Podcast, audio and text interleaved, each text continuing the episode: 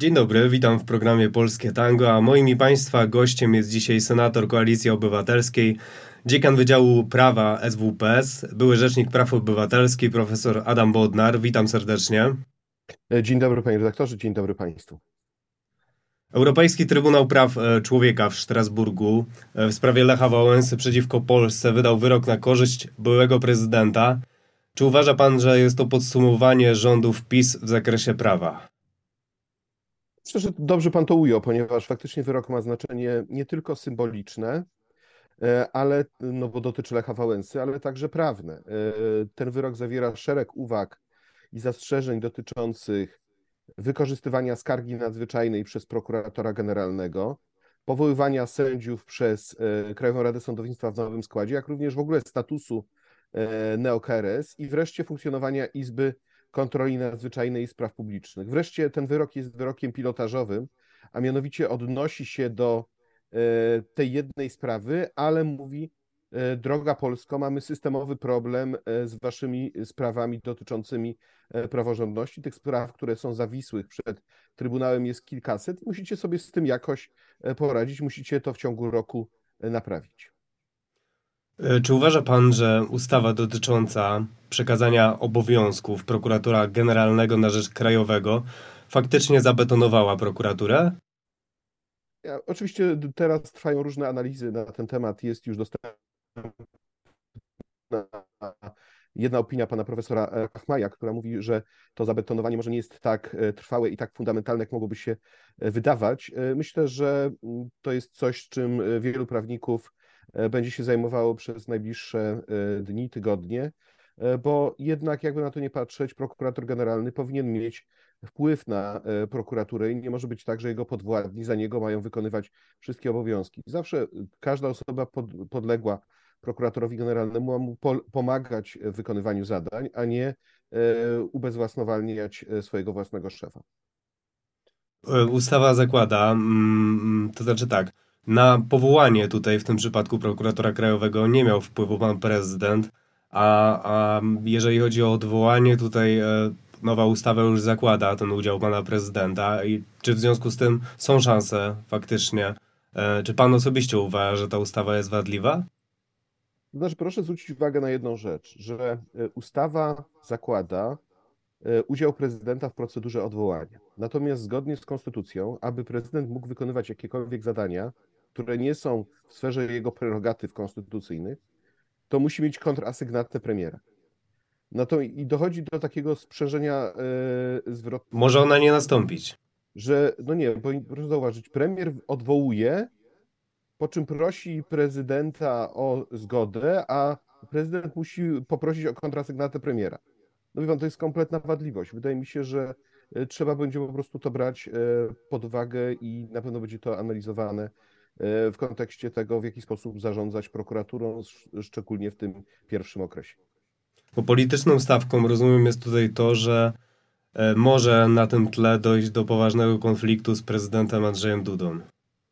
Może dojść do konfliktu, ale myślę, że no, to będzie nie jeden e, konflikt. Myślę, że tych konfliktów po prostu będzie więcej. Już teraz w zasadzie jesteśmy w tym, e, to może nie jest konflikt, tak, bo obywatele Rzeczpospolitej wykazują dużą cierpliwość, e, czekając na dokończenie tego pierwszego kroku, zdając sobie sprawę z tego, że jest to krok, który służy tylko i wyłącznie przedłużeniu władzy obecnego rządu, a nie ma takiego wyraźnego, twardego umocowania w jakimś rozumowaniu zgodnymi z wartościami e, konstytucyjnymi. Natomiast myślę, że tych konfliktów będzie po prostu więcej i natomiast to nie powinno zrażać, to nie powinno powodować, że nowa rządząca większość nie będzie w stanie wykonywać swoich e, zadań, bo to e, obywatele Rzeczypospolitej dali mandat przy tak wysokiej frekwencji nowej rządzącej większości, żeby Polską, żeby wykonywać władzę w Polsce.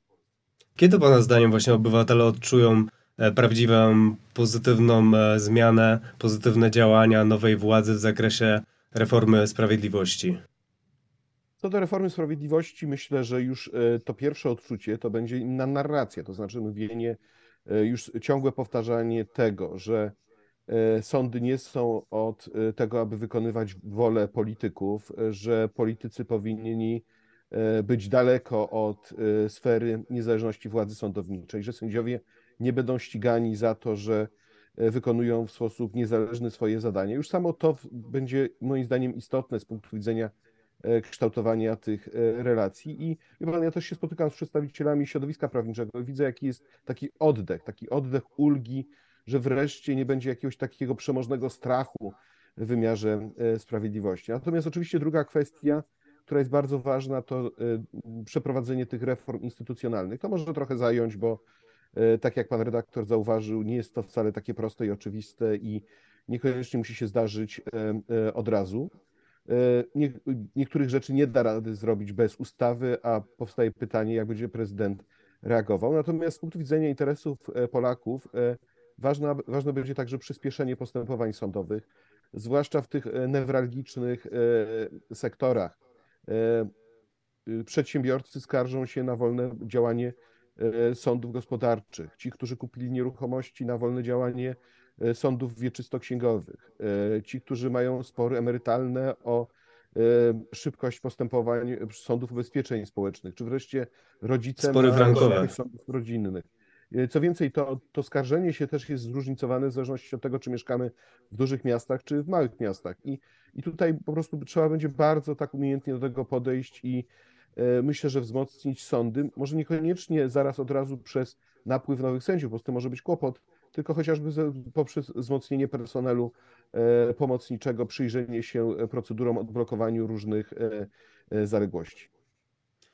Trybunał Konstytucyjny i sędziowie dublerzy, czy uważa pan, że można byłoby ich odwołać w ramach uchwały Sejmu?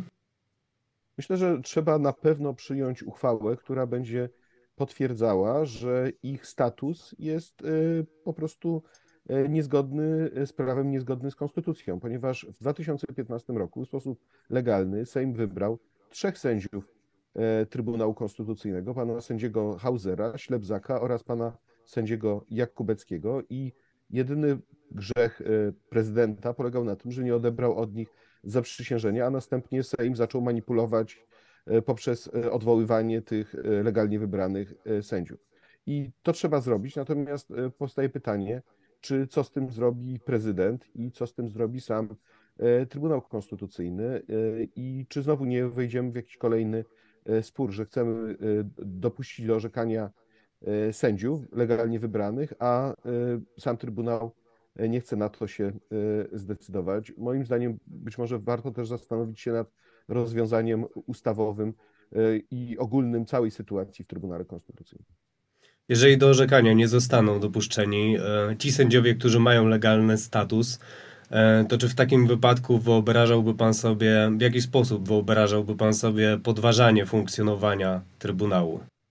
Znaczy ja myślę, że ten Trybunał jest w ogóle podważany już od jakiegoś czasu i to nie jest rzecz jakaś nowa, tak? Także myślę, że po prostu będziemy być może brnęli w taką sytuację, aż dojdzie do rzeczywistego przesilenia e, politycznego, myślę, że być może nawet do zakończenia kadencji przez e, prezydenta Andrzeja Dudę. No bo zauważmy, panie redaktorze, że tak, że mamy e, do czynienia z mamy do czynienia z tym, że ta trójka sędziów jest nieprawidłowo wybrana. I orzeka, znaczy jest prawidłowo wybrana, nie została dopuszczona do orzekania, natomiast orzeka trzech sędziów e, dublerów. Po drugie, jest to podważane przez Europejski Trybunał Praw e, Człowieka. Po trzecie, pani Julia Przyłębska według wszystkich analiz prawniczych już nie jest prezesem, bo nie została wybrana na prezesa Trybunału zgodnie z odpowiednią procedurą. Wreszcie mamy różne przykłady manipulowania składami czy e, przedłużania bądź postępowań w różnych sprawach, bądź też wyznaczania spraw w celu, celem osiągnięcia różnych celów politycznych. Czy wreszcie no, spójrzmy na same orzecznictwo Trybunału E, dla mnie takim fundamentalnym orzeczeniem było nie tylko to dotyczące dostępu do aborcji, ale też to, którym de facto Trybunał próbował nas wyprowadzić z Unii Europejskiej. Orzeczenie 7 października 2021 roku. Myślę, że e, ta delegitymizacja Trybunału już nabrała bardzo dużej, e, dużej skali i, i myślę, że niestety ten kryzys się będzie pogłębiał i, i niekoniecznie parlament musi mieć wszystkie instrumenty, żeby ten kryzys rozwiązać bez woli prezydenta. A czy uważa pan profesor, że uchwałą Sejmu będzie można e, w takim razie unieważnić wyrok Trybunału Konstytucyjnego w sprawie wspomnianego prawa aborcyjnego? Ja myślę, że Trybunał, e, przepraszam, że Sejm może potwierdzić pewien stan rzeczy, to znaczy może dokonać pewnej oceny, e, jak należy patrzeć na ten wyrok, właśnie wskazać, że to jest fundamentalna rzecz z punktu widzenia praw e, kobiet, że w, w sprawie uczestniczyli dublerzy, którzy nie powinni byli orzekać. Natomiast wydaje mi się, że z punktu widzenia prawnego należy raczej zastanowić się nad tym, jak odwrócić skutki tego wyroku. To znaczy, w jaki sposób e, doprowadzić do tego, aby on nie wywoływał większych e, konsekwencji dla e, kobiet. I tutaj są pewne możliwości. Z jednej strony takie, które mogłyby prowadzić do większej dostępności pigułki dzień po, do możliwości dokonania aborcji farmakologicznej bez, jakiejś, bez jakiegoś zagrożenia, że kobieta będzie za to E, szykanowana, e, bądź osoby, które jej e, pomagają w dostarczeniu na przykład odpowiednich tabletek, to także może polegać na tym, że ograniczone zostanie stosowanie klauzuli sumienia. Na to może mieć wpływ minister zdrowia oraz Narodowy Fundusz Zdrowia, że klauzula sumienia nie będzie stosowana w instytucjach, że będzie tylko i wyłącznie prawem indywidualnym, a nie przysługującym całym szpitalom. I wreszcie E, ważna jest także działalność Rzecznika Praw e, Pacjenta i interpretacje przepisów, które są przez Rzecznika dokonywane. Myślę, że na taki, jeżeli grając na wielu fortepianach, e, myślę, że można doprowadzić do tego, że ten wyrok w gruncie rzeczy za jakiś czas stanie się bez większego znaczenia praktycznego. A w jaki sposób Pana zdaniem możliwe będzie uzdrowienie, w jaki sposób dokonać uzdrowienia KRS?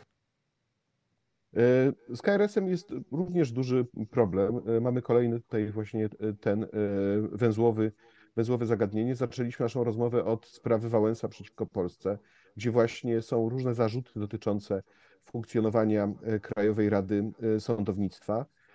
I teraz myślę, że trzeba zawsze za każdym razem tłumaczyć, na czym ten problem polega, bo to nie do końca jest zrozumiałe przez obywateli. Otóż Krajowa Rada Sądownictwa składa się z 25 członków. 15 członków Krajowej Rady Sądownictwa to są sędziowie, którzy, e, e, którzy powinni stanowić w pewnym sensie reprezentację środowiska sędziowskiego. Do tego dochodzi przedstawiciel prezydenta, minister sprawiedliwości, prezes Naczelnego Sądu Administracyjnego, pierwszy prezes Sądu Najwyższego, czterech posłów oraz dwóch senatorów. Łącznie 25 osób. I teraz e, w 2018 roku E, została przyjęta zmiana ustawowa, która założyła, że członkowie sędziowie Krajowej Rady Sądownictwa nie są wybierani przez sędziów, ale są wybierani przez parlament. I to spowodowało zachwianie relacją między władzami. Czyli nagle władza polityczna uzyskała przemożny wpływ na funkcjonowanie Krajowej Rady e, Sądownictwa, bo miała nie tylko tych sześciu przedstawicieli parlamentu, ale też de facto 15 sędziów. Większość Krajowej Radzie Sądownictwa. No i teraz trzeba zrobić wszystko, co w mocy, aby wrócić do rozwiązania, które jest ważne jeszcze od czasów e, e, okrągłego stołu, a mianowicie, że tych 15 sędziów powinno być wybieranych przez sędziów. Jak to zrobić? Można to zrobić poprzez zmianę ustawową. Natomiast można przyjąć też uchwałę, która właśnie mówi o tym, że doszło do tego typu nadużycia ze strony parlamentu. Zostało to krytycznie ocenione przez wszystkie możliwe trybunały międzynarodowe. Co więcej, e, jest to stawiane jako jeden z tych kamieni milowych e, w stosunku do e, Polski. Jest to także jeden z tych powodów, dla którego wydawane są kolejne wyroki przez Europejski Trybunał Praw Człowieka. I, I wydaje mi się, że konsekwencją przyjęcia takiej uchwały powinno być wezwanie do przyjęcia ustawy i też podpisania takiej ustawy przez prezydenta i dokonanie nowego wyboru Krajowej Rady Sądownictwa. I liczę na to, że pan prezydent jednak taką decyzję o podpisaniu ustawy prędzej czy później e, podejmie. Profesor Ewa Łętowska i profesor Marek Safian mówią, że właśnie byłoby możliwe odwołanie 15 członków e, sędziów NOK KRS za pomocą uchwały Sejmu, czyli pan również uważa, że to byłoby możliwe? Ja bym raczej szedł w kierunku takim, że trzeba przyjąć uchwałę, która podważa status tych osób Jednocześnie, i to jest absolutnie możliwe, natomiast jednocześnie należałoby dążyć do tego, aby przyjąć, e, e, należałoby dążyć do tego, żeby, nazwałbym to w ten sposób, zmrozić funkcjonowanie Krajowej Rady Sądownictwa, czyli spowodować, że Krajowa Rada Sądownictwa nie będzie się dalej przyczyniała do psucia standardów w postaci nowych nominacji sędziowskich. I to na przykład może zrobić minister sprawiedliwości, bo minister sprawiedliwości może wstrzymać ogłoszenia o wolnych stanowiskach sędziowskich. I wie pan, to będzie trochę na takiej zasadzie, że jak nie będą nowe dopływały nowe te mm, wnioski o nominację, no to Krajowa Rada Sądownictwa nie będzie miała nad czym obradować. I to już samo w sobie będzie istotne. Czy nie będą produkowani, tworzeni nowi neosędziowie. Natomiast jednocześnie trzeba dążyć do przyjęcia e, ustawy, która ureguluje i określi sposób wyboru e, sędziów i trzeba wrócić do no, rozwiązań, które e, obowiązywały przed 2018 rokiem. Ale czy to niedawanie kolejnych ogłoszeń nie spowodowałoby jednak chwilowego następnego paraliżu systemu sądownictwa? To w tej sytuacji my nie mamy dobrych rozwiązań. To nie jest, to może paraliż to jest za duże słowo, E, oczywiście może spowodować pewne, pewne kłopoty w funkcjonowaniu niektórych jednostek sądowniczych, ale na przykład poprzez system delegacji sędziowskich można te problemy rozwiązywać, czyli można e, do tych jednostek, gdzie są potrzebni nowi sędziowie, delegować e, sędziów na wykonywanie czynności orzeczniczych przez jakiś czas. Tym, tym można jakoś regulować sytuację, ale ja myślę, że Znacznie bardziej sędziom by się przydało w takich sytuacjach wzmocnienie kadry e, asystenckiej oraz referendalskiej. Czyli jeżeli na przykład w danym sądzie brakuje powiedzmy jednego sędziego, to zamiast powoływać nowego sędziego, można się zastanowić, w jaki sposób do tej jednostki, e, do jednego wydziału dorzucić, nie wiem, dwóch, trzech asystentów, prawda, żeby mogli e, w tym czasie pomagać. Także myślę, że przy pewnej aktywnej roli, no w tym przypadku akurat ministra sprawiedliwości, da radę sobie z tym poradzić. Natomiast proszę zauważyć, to wszystko są rozwiązania nie docelowe, tylko rozwiązania chwilowe, ponieważ jeżeli prezydent będzie te rozwiązania blokował, no to bez tego nie będziemy w stanie rozwiązać problemów. Natomiast uważam, że nie można przyczyniać się do pogłębiania stanu niepraworządności. Społeczeństwo od lat było niezadowolone z działania sądów. Czy sądzi pan, że paradoksalnie to, co stało się w czasie rządów PiS, może przyczynić się jest dla nas wielką szansą na prawdziwą reformę sądownictwa? Ja tak y, do tego podchodzę, ale wie pan, wydaje mi się, że y, to, co jest paradoksem tej całej sytuacji, to to, że przez te ostatnie lata sędziowie odkryli, że nie są tylko i wyłącznie, a część z nich myślę, że dziś mogła mieć takie myślenie, że są takimi specjalnymi urzędnikami do wykonywania władzy sądowniczej. Wydaje mi się, że wielokrotnie mieliśmy do czynienia w ostatnich latach z takim poczuciem, że sędziowie są po prostu sędziami przez duże S, że mają władzę, że ta władza może służyć e, jednostkom, że może służyć ochronie praw i wolności obywatelskich, że mogą oni stosować w pełni Europejską Konwencję Praw Człowieka, prawo unijne. Proszę zauważyć, że ile na przykład zapadło wyroków w ostatnich latach dotyczących zatrzymań przez policję. Każde zatrzymanie na kilka godzin, na nockę w zasadzie powoduje automatyczną odpowiedzialność odszkodowawczą państwa, właśnie dzięki sądom. E, to są stawki prawda, rzędu 6, 8, 10, 12 tysięcy złotych. Ile było orzeczeń, które dotyczyło bezprawnego pozbawienia wolności dłuższego? E, sprawa Tomasza Komendy z rekordowym zadośćuczynieniem e, dla osoby, która była niesłusznie skazana. Cała rzesza, przepraszam, liczne sprawy frankowe rozstrzygane na co dzień przez sądy. Sprawy dotyczące bezprawnie zabranych emerytur. I to jest tak, że, że w zasadzie często widzimy, że sądy po prostu potrafią patrzeć bardzo aktywnie już na konstytucję, na prawo międzynarodowe i w ten sposób, nie przejmując się presją ze strony władzy, po prostu wydają orzeczenia, które są jak najlepszą interpretacją mm, obowiązującego prawa i, i powodują rzeczywiste, konkretne skutki dla obywateli. Także być może to jest jakiś taki swoisty e, paradoks, że presja spowodowała obudzenie się takiego rzeczywistego ducha e, sądowego w duszach poszczególnych sędziów. A i, i, też obywatele mieli przyspieszony kurs WOS-u wszyscy. A o czym e, pan osobiście marzy w kwestii funkcjonowania polskiego systemu sprawiedliwości?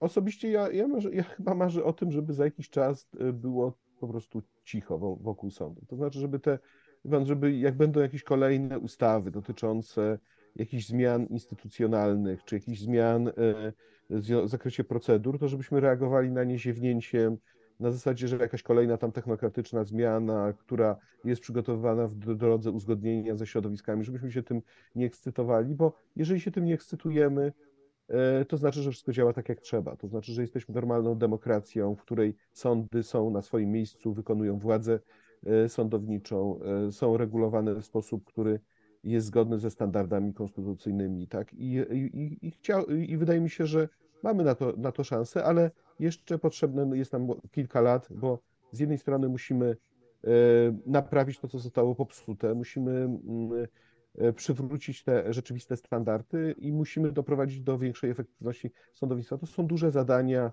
e, ale e, myślę, że to, to jest jakiś taki wysiłek, może pan taka trochę transformacja 2.0, jakiś taki wysiłek, prawda, modernizacyjny, który, do, który dopiero sobie ze względu na ten wielki kryzys teraz uświadomiliśmy, jak on jest ważny dla funkcjonowania normalnego, demokratycznego państwa.